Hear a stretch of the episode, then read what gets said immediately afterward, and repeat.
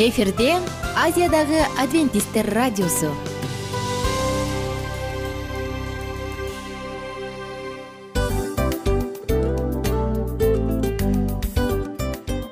Достор салют. Баардык сүйүктүү угармандарыбызга салам айтабыз. Кутман күнүңүздөр менен.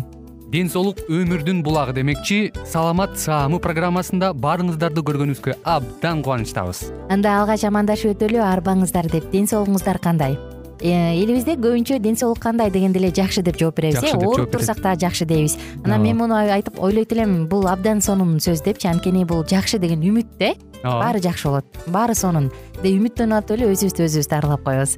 Анысы кандай? Сиздин дагы ден соолугуңуз жакшы беш деген үмүттөбүз чындыгында ден соолук бул өмүрдүн булагы деп бекеринен айтылган эмес деп ойлойм. Кыргыз элинде анткени эгерде ден соолук жок болсо анда адамдын жашоосунда калган баардык керектүү маңыздуу нерселер өзүнүн баалуулугун жоготуп коет. Ошондуктан ден соолук бул эң керектүү нерсе. Ооба туура айтасың кесиптешим. Чынында ден соолугуң жок бир эки үч күн ооруп калсаң эле э кандай болуп калат? Жашоодо көз каранды болуп каласың көп нерсеге жетишпей каласың көп нерсени кыла албай каласың жада калса эшикке дүкөнгө да чыга албай каласың. Туптуура анан ден соолук болсо демек биз биздин бактыбыз тоодой деп койсок болот. Анда достор саламат саамы рубрикабызды баштайлы. Алдыда өзүңүзгө керектүү болгон сонун кеңештерди уга аласыздар. Мына ошондуктан биз менен бирге болуңуздар. Ал эми биз болсо милан жана айнура. Кеттик алга. Алга саламат саама ден соолуктун жарчысы. Саламат саама ден соолуктун ачкычы. Күн сайын сиз үчүн мыкты кеңештер сонун жаңылыктар кызыктуу фактылар биздин рубрикада.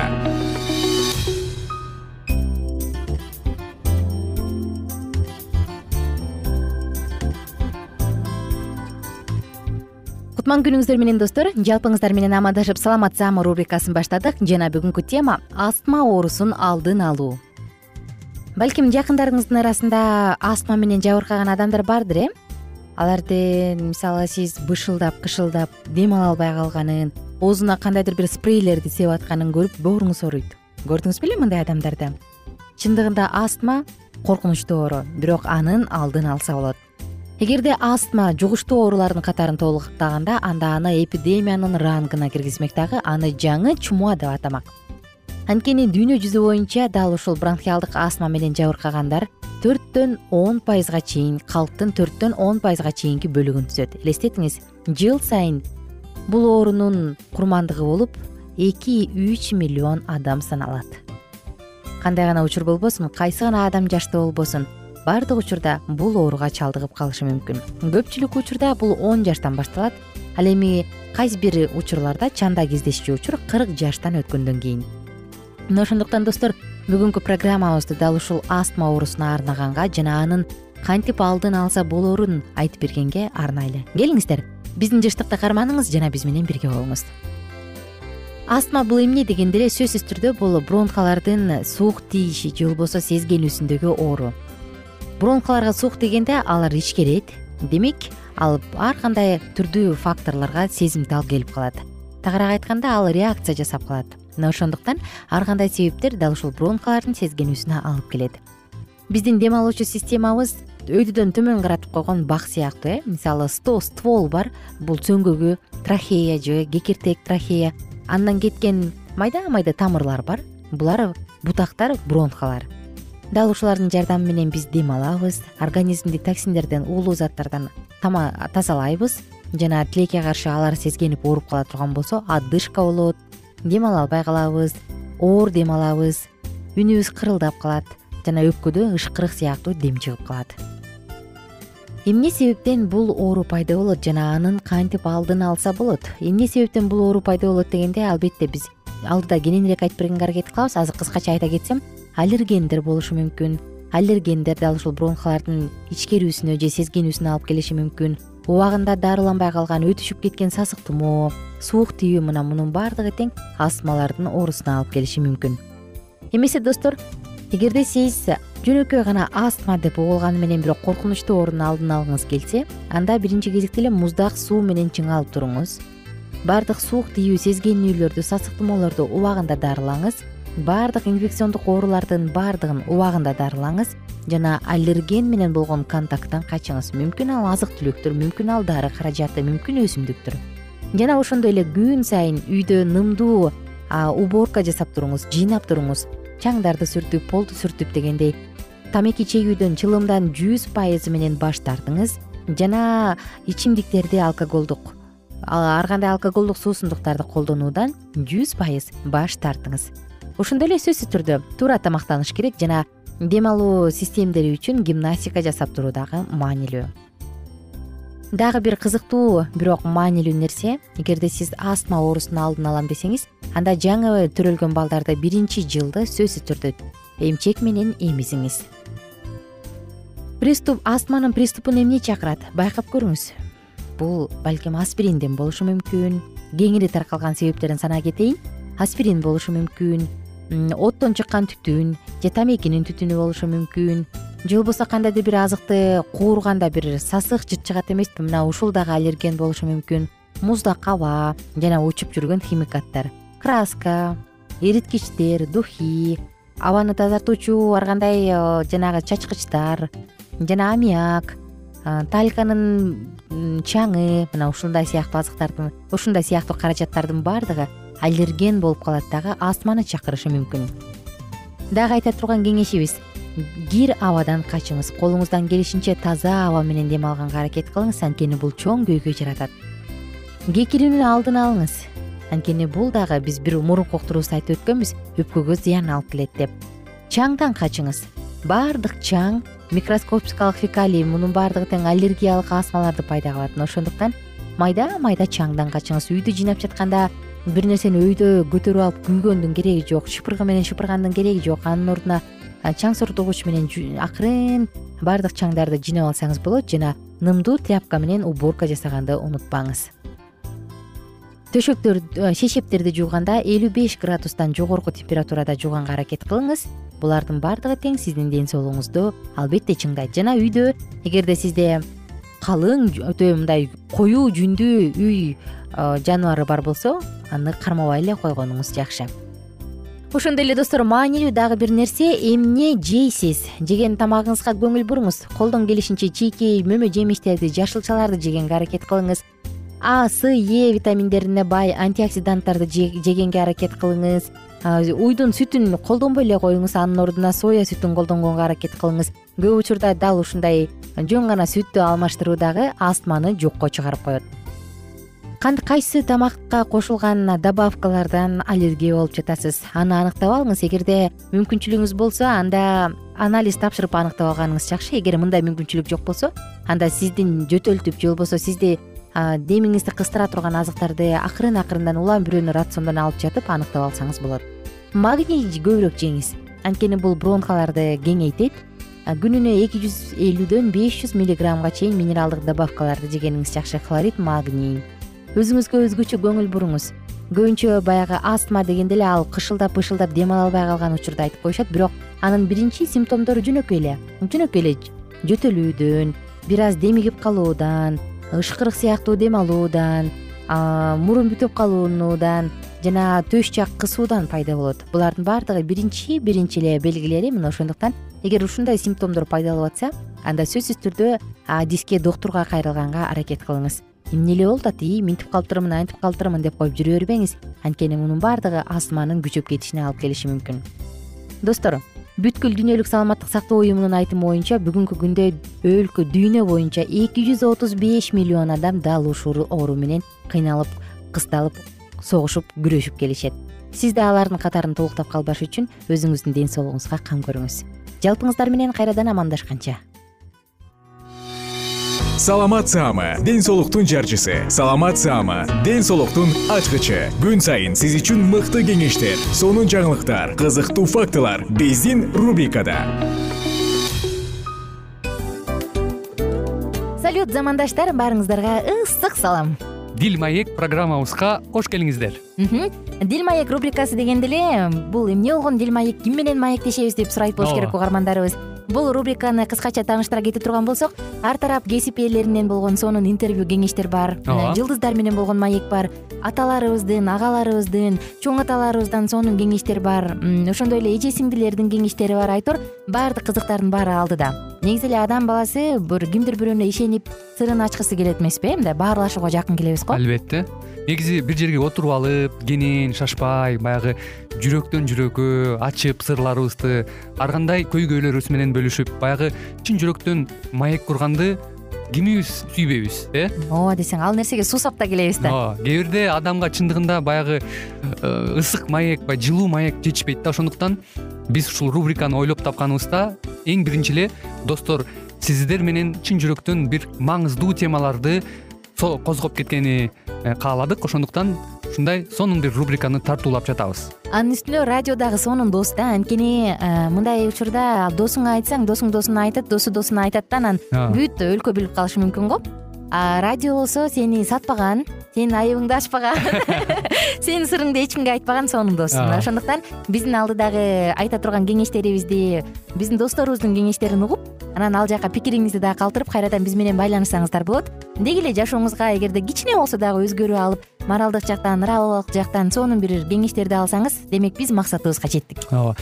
Чыңгыз атабыз улуу жазуучу э, чыңгыз айтматов айткандай адам болуу бул күнүмдүк процесс экен. Күн сайын адам бойдон калуу бул адамзатка эң эле кыйын дейт э? э эң кыйын дейт. Чындыгында бунун негизинде адамдын эң баягы сапаттуулугу адамдын э, адамгерчилиги жана көптөгөн керектүү нерселер.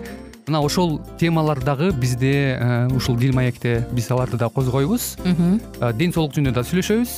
Сөзсүз түрдө. Анан милан мырза негизи айтып коюшат го? Биз көбүнчө эмнени ойлонсок ошол нерсеге карата иш кылабыз го? Ооба. Анан анысы кандай балким бул радио баракчада кимдир бирөөнүн оюн текшергенге жардам берет кимдир бирөөнүн жүрөгүн текшергенге жардам берет.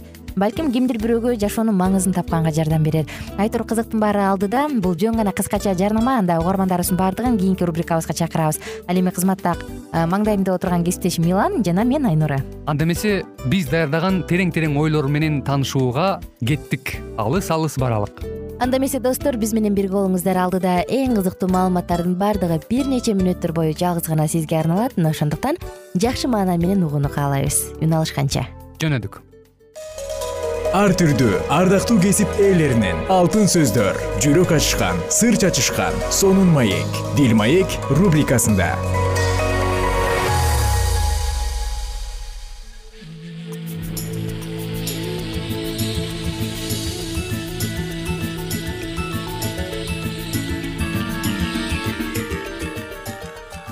саламатсыңарбы кымбаттуу радио каармандарыбыз кайрадан эле сиздердин назарыңыздарда бактылуу никенин баалуу эрежелери аттуу программабызда кездешип жатканыбызда кездешип жатканыбызга өтө кубанычтабыз. Бүгүнкү программабыздын чыгарылышында биз сиздер менен үй бүлөлүк турмушта эң негизги бакыт аял үчүн бул сүйүктүү болуу. Дал ушул туурасында маегибизди улантмакчыбыз. Андыктан биздин ободон алыстабай биз менен биргеликте болуңуздар сиздин бактылуу болуу жана сүйүктүү жар болууңуз сиздин жашооңуздагы өз ордуңузду жана өз милдетиңизди туура аткаруудан көз каранды. Сиз жолдошуңузга сүйүктүү эң сонун алмаштыргыс болуп көрүнүшүңүз үчүн жолдошуңуздун сизге болгон эң назик сезимдерин жоготпой. Бирок аларды күчөтүш үчүн кандай болушубуз керек? Эркектердин көз карашы боюнча идеалдуу аял кандай? Аларды аялдын кандай мүнөзү өзүнө тартып турат. Ушул туурасында сөз кылабыз. Мээримдүү башка адамдардын кыйынчылыгын тең бөлүшүп боору ооруп дайыма жардам бергенге даяр болгон боорукер аял заты дайыма эркектердин көңүлүн өзүнө буруп келген. Мындай аялдарды эркектер сыйлап аларга чыныгы аял затындай мамиле кылышат. Дайыма жайдары күлүп каарданбай же сумсанбай өзүңдүн ички тынчтыгыңды сактап жүргөнгө аракет кылыңыз. Сыртта канчалык кыйын болуп жатса да жүрөгүңүздө баары жакшы болот деген үмүттү жоготпой. Жүрөгүңүздү тынчтыкта сактаганга аракет кылыңыз. Жашоонун ар кандай көйгөйлөрү сиздин жан дүйнөңүздүн тынчтыгына кабагына эч кандай таасирин тийгизбегендей болсун. Мүнөзүңүздөгү жаман сапаттарды мисалга жалкоолук өзүмчүлдүк ушактык көрө албастык башкаларды сындап айыптоо ач көздүк текебердик карай өзгөйлүк жана башка ушундай терс сапаттардан арылыңыз. Тескерисинче жакшы сапаттарга өзгөчө аялдарга тиешелүү болгон жароокер мээримдүү түшүнүктүү тил алчаак өзүн өзү кармана билүү чыдамкайлык тырышчаак жоопкерчиликтүү чынчыл жумшак назиктик жана башка ушул сыяктуу сапаттарга ээ болгонго аракет кылыңыз. Жөндөмдүүлүгүңүздү өркүндөтүңүз билимге жана акылмандуулукка умтулуңуз жөнөкөй нерселерге кубанганга үйрөнүңүз. Өзүңүздү кабыл алыңыз кыймыл аракетиңиз сүйлөгөнүңүз назик жана жагымдуу болсун ошондой эле кичинекей балдарды жакшы көргөн мээримдүү энелик табиятка ээ болгон аялдар да эркектерге жакшы сезимдерди жана сыйды ойготот. Аял кишинин таза болуусу өзүн таза тутуп жумушундагы өзүн каранып жүргөн аялдардан өтүп туруусу жарашыктуу кийингени үйдү таза жана жайлоо кармоосу да эркектер үчүн маанилүү. Албетте жакшы тамак жасаганды да үйрөнүңүз эң негизгиси тамак даамдуу жана өз убагында даяр болушу керек. Жолдошуңузду өзгөргөнгө аракет кылбаңыз. Ал кандай болсо ошондой кабыл алыңыз. Аны башка эркектерге салыштырбаңыз. Анын эркектик намысына тийбеңиз. Башкалардын көзүнчө оңдоп сындап кемсинтпеңиз жана шылдыңдап күлбөңүз. Балдарыңыздын көзүнчө күйөөңүздү кадыр баркын кетирбеңиз. Күйөөңүздү жамандаган же ушактаган сөздөргө кошулбаңыз. Дайыма эле анын кемчиликтерин алсыз жактарын эскерте бербеңиз. Андан көз каранды эместигин көрсөтүү менен анын пайдасы жок экенин айтпаңыз. Кызмат абалыңыз менен же өзгөчөлүктөрүңүз менен басым көрсөтпөңүз. Кол көтөрүп кыйкырбаңыз. Ишти күйөөңүз менен акылдашып жасаңыз. Күйөөңүздүн апасы болуп албаңыз күйөөңүз менен эркек менен эркек сүйлөшкөндөй сүйлөшпөңүз. Андан өзүңүздү күчтүү көрсөтпөңүз. Баарын сиз каалагандай жасасын деп өз оюңузду жогору кое бербеңиз. Ыраазычылык келтирип туруңуз. Күйөөңүздү мактап туруңуз. Ага суктанганды үйрөнүңүз. Анын максатын сыйлаңыз. Тил алчаак болуңуз. Ага ишеним көрсөтүңүз. Аны баалаңыз. Үй бүлөдө күйөөңүз биринчи болушуна жол бериңиз баардык учурда биринчи орунда күйөөңүздү коюңуз. Аны укканды үйрөнүңүз. Бул нерселердин баары сиздин жолдошуңуздун көңүлүн сизден башка эч кимге бурбай. Сизге болгон анын сүйүүсүн өчүрбөй тескерисинче. Дагы да жалындатканга көмөк көрсөтөт. Күйөөңүзгө болгон туура мамилеңиз кудайга болгон мамилеңиз жана кызматыңыз болуп эсептелет. Бул сиздин курмандыгыңыз өмүр бою өзү үчүн жашаган жашоо. Эч качан адамга бакыт алып келбейт. Биз башка бирөө үчүн жашап кызмат кылыш үчүн жаралганбыз. Адам ошондо гана чындап бактылуу боло алат. Кудай бизди ушундай кылып жараткан экен.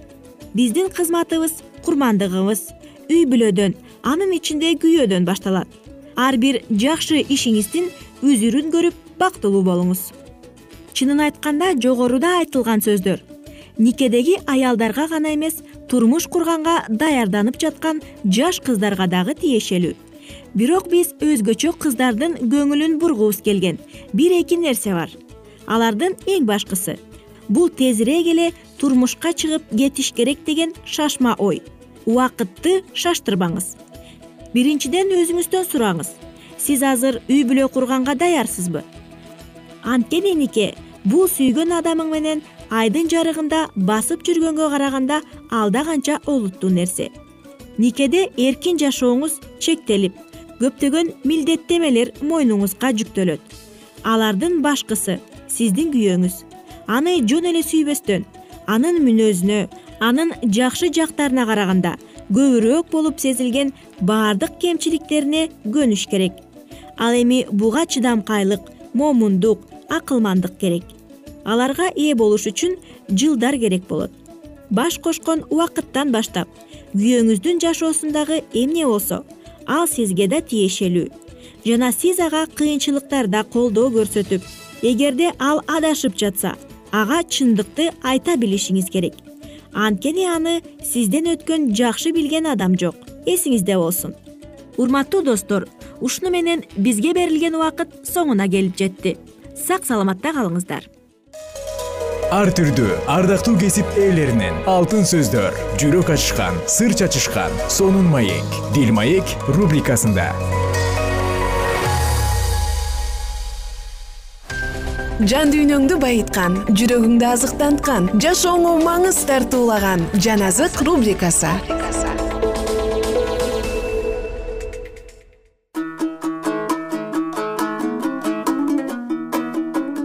саламатсыздарбы? Жалпы биздин сүйүктүү угармандарыбыз биздин толкунубуздан амандашканыбызга абдан кубанычтабыз. Жана жан азык рубрикасында куткарып алуу тарыхы куткарылуу тарыхы деп аталган сонун китепти бирге улантабыз эмесе биз менен бирге болуңуздар. Кудайдын дайындаган куткаруучусун өлүмгө тапшырышкандан кийин дагы жүйүттөрдүн башчылары тыным алып жатып калышкан жок. Алардын өлгөн машаякка болгон көрө албастыгы токтобогондой эле ага карата болгон жаман санаалары дагы токтогон эмес өч алуудан калган кубанычтары менен көрүстөндө жаткан ыйса машаяктын денеси тирилип кетпесин деген ой аралаша берди. Ошондуктан дин кызматчылар менен фарисейлер пилаттын алдына чогулушту. Жана мындай дешти. Таксыр алиги алдамчы тирүү кезинде үч күндөн кийин тирилем деген сөзү биздин эсибизге түштү. Ошондуктан мүрзөнү бек кайтарууга буйрук бер. Анын шакирттери түндө келишип аны уурдап алып кетишпесин жана кайрадан тирилди деп элге жар салышпасын жана акыркы алдоо биринчиден жаман болуп калат. Бул жөнүндө матай китеби жыйырма жетинчи бап алтымыш үч алтымыш төртүнчү аяттарда жазылган. Машаяктын тирилип кетиши жүйүттөрдүн дин кызматчыларын тынчсыздандыргандай эле пилатты дагы тынчсыздандырды. Ал тирилип кетип өзүн өлтүргөндөрдү өлтүрүп жүрбөсүн деди. Жана дин кызматчыларга римдик жоокерлерди сакчылык кылуу үчүн берди. Римдин жоокерлеринен башка ишенимдүү сакчыларды табуу кыйын экендигин жүйүттөр жакшы түшүнүшкөн жана дагы алар римдиктердин мөөрүн көрүстөндүн оозун жаап турган ташка басуу мүмкүнчүлүгүн алышты. Эми мөөрдү бузбаш үчүн ташты жылдырууга болбойт. Машаяктын шакирттери ыйса машаяк тирилди дешип жар салбаш үчүн алар болгон чаралардын бардыгын колдонушту. Бирок алардын жасаган иштери кылган бардык аракеттери машаяктын тирилип кетишин жарыялаган кубанычты күчөтүү кудайдын чындыгын далилдөө үчүн гана болуп калды тогузунчу бап. Падышалыкка дайындоо. Машаяктын тирилиши. Ишембиде качан даңктын падышасы ыйса машаяк көрүстөндө жатканда анын шакирттери осуят боюнча ишемби тынчтыгында болушуп өз куткаруучусу жөнүндө капаланып жатышты.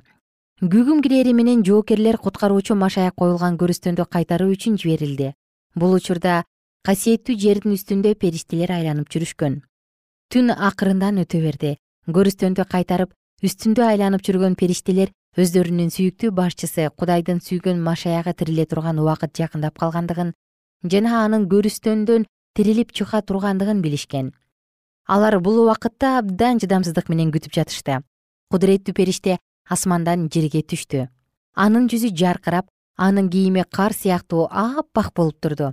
Анын жарыгы тиер менен караңгылыкка тарап эми ыйса машаяктын денеси бизге таандык дешип көрүстөндү кайтарып турушкан шайтандын периштелерин качырды. Андан чыккан жарыктын жана даңктан караңгылыктын шабырлары үрөйү учуп качышкан. Машаяктын көрүстөнүн кайтарып үстүндө жүргөн дагы бир периште ага кошулуп көрүстөндүн жанына түштү. Алар көрүстөн жакты көздөй басканда жер титиреп турду. Римдик сакчылардын үрөйү учуп титирешет алардын кайраты жана күчү кайда кеткен? Алар эми өздөрүнүн жоокер экендигин унутушкан. Машаяктын шакирттери анын денесин уурдап кетишет деген ой эми аларда жок. Качан периштелерден чыккан жарык бул жерди күн нуру тийген кездегидей дагы жарык кылып жаркыратканда римдик жоокерлер коркконунан өлүк сыяктуу жүзтөмөндөп жыгылышты периштелердин бири көрүстөндүн оозундагы чоң ташты алып андан алыы сыргытты дагы анын үстүнө олтуруп алды. Башкасы көрүстөндүн ичине кирип ыйса машаяктын кепинин чечти. Сенин атаң сени чакырып жатат. Ошондо асмандан түшкөн периште катуу үн менен кудайдын машаягы бери чык сенин атаң сени чакырып жатат дегенде жер солк дей түштү. Өлүм эми анын үстүнөн бийлик кыла алган жок. Кудуреттүү куткаруучу ыйса машаяк өлгөндөн кайра тирилди бул көрүнүштү асман периштелери салтанаттанып кубануу менен карап турушкан жана качан ыйса машаяк көрүстөндүн ичине чыкканда эки кудуреттүү периште анын алдында баштарын ийип таазим кылуу менен ага даңктуу ырынырдашып салам айтышты. Римдик жоокерлердин айтып баруусу. Качан периштелер көрүстөндүн жанынан кетишкенде жана даңктын жарыгы тараганда римдик жоокерлер баштарын акырын өйдө көтөрүшүп айланага көз чаптырышты. Көрүстөндүн оозундагы чоң таш четке ыргытылып көрүстөндүн ичинде ыйса машаяктын денеси жок экендигин көрүшүп абдан таң калышты андан кийин жоокерлер тезинен болгон окуяны дин кызматчыларга баяндаш үчүн шашып жөнөштү. Жоокерлердин сөздөрүн уккандан кийин дин кызматчылардын өңү кубарып кетти. Жана өздөрү кылган окуя эстерине түшүп денелерин калтырак басты эгерде жоокерлердин айткандары чындык болсо анда аларга эмне болор болду экен? Алар бир нече убакыт бирин бири карашып үн катышкан жок жана эмне кылаарын билишпей калышты. Бул кабарды кабыл алуу аларга өздөрүн өздөрү айыптоо болмок жана алар кеңешүү үчүн жоокерлерден бөлүнүп нары басып кетишти. Эгерде жоокерлердин айткандары элдер арасына тарап кете турган болсо машаякты өлтүргөн силер дешип элдер аларды айыпташат жана өлтүрүшү мүмкүн дешип талкуулашты. Сакчылар бул жөнүндө айтпаш үчүн аларды акча берип сатып алуу чечими кабыл алынган. Дин кызматчылар менен аксакалдар аларга өтө көп өлчөмдөгү акча беришип мындай дешти. Биз уктап жатканда анын шакирттери келишип аны уурдап кетишиптир деп айткыла. Качан сакчылар укташып калгандыгы жөнүндө өздөрүнө эмне боло тургандыгын айтышканда дин кызматчылар бул суроону пилат менен өзүбүз чечип силердин коопсуздугуңар үчүн кам көрөбүз дешти. Акча үчүн римдик сакчылар өз абийирин сатышып жана дин кызматчылар менен аксакалдар эмне айтышса так ошондой кылыша тургандыгына макул болушту. Куткарып алуунун алгачкы жемиштери. Качан ыйса машаяк айкашкан жыгачта керилип туруп аткарылды деп үн катканда жер титиреп аскалар жарылып кээ бир көрүстөндөрдүн ооздору ачылган. Өлүмдү жеңгендин өзү тирилгенде жер солкулдап анын буйругу боюнча анын тирилгендигин күбөлөндүрүш үчүн көптөгөн өлгөн адамдар тирилишкен. Кымбаттуу достор мынакей бүгүн сиздер менен бирге куткарылуу тарыхы деп аталган сонун китептен дагы бир үзүндү окуп өттүк. Эгерде ыйса машаяк өлүп тирилбеген болсо анда биздин түбөлүк өмүргө ээ болуубуз мүмкүн эмес болмок. Ошондуктан жаратуучуга ар бир анын куткарылуу планы үчүн ыраазычылык айтсак болот сиздер менен кийинки уктуруудан кайрадан амандашам. Күнүңүздөр көңүлдүү улансын жана бар болуңуздар.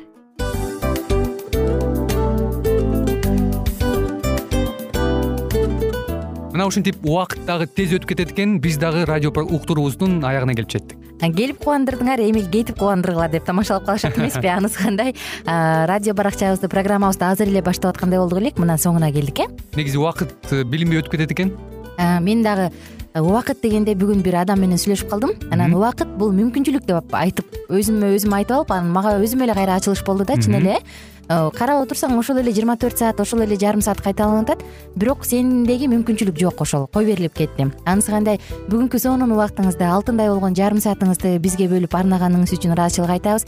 Анан жашооңуздун кайсы бир сферасын өзгөртө турган сонун пайдалуу кеңеш алган болсоңуз анда биз максатыбызга жеттик. Анан ушул нерсени кылбасам десеңиз ошол өзгөрүүлөрдү кичинекей кадамдардан баштап иш жүзүнө ашырыңыз дагы жашооңузда чоң чоң ийгиликтерге жетиңиздер чын жүрөктөн ар бир берилген кеңештер сөздөр сиздерге пайдасын алып келет деп ишенебиз. Жана кийинки уктурууларда сөзсүз түрдө чыдамсыздык менен сиздерди күтөбүз. Сагынычтуу салам айтып кайрадан дал ушул жыштыктан баардыгыңыздарды тосуп алганча. Кызматта мен айнура жана кесиптешим милан. Анда кол булгалайбыз жалпыңыздарга ийгиликтүү күн. Саламатта калыңыздар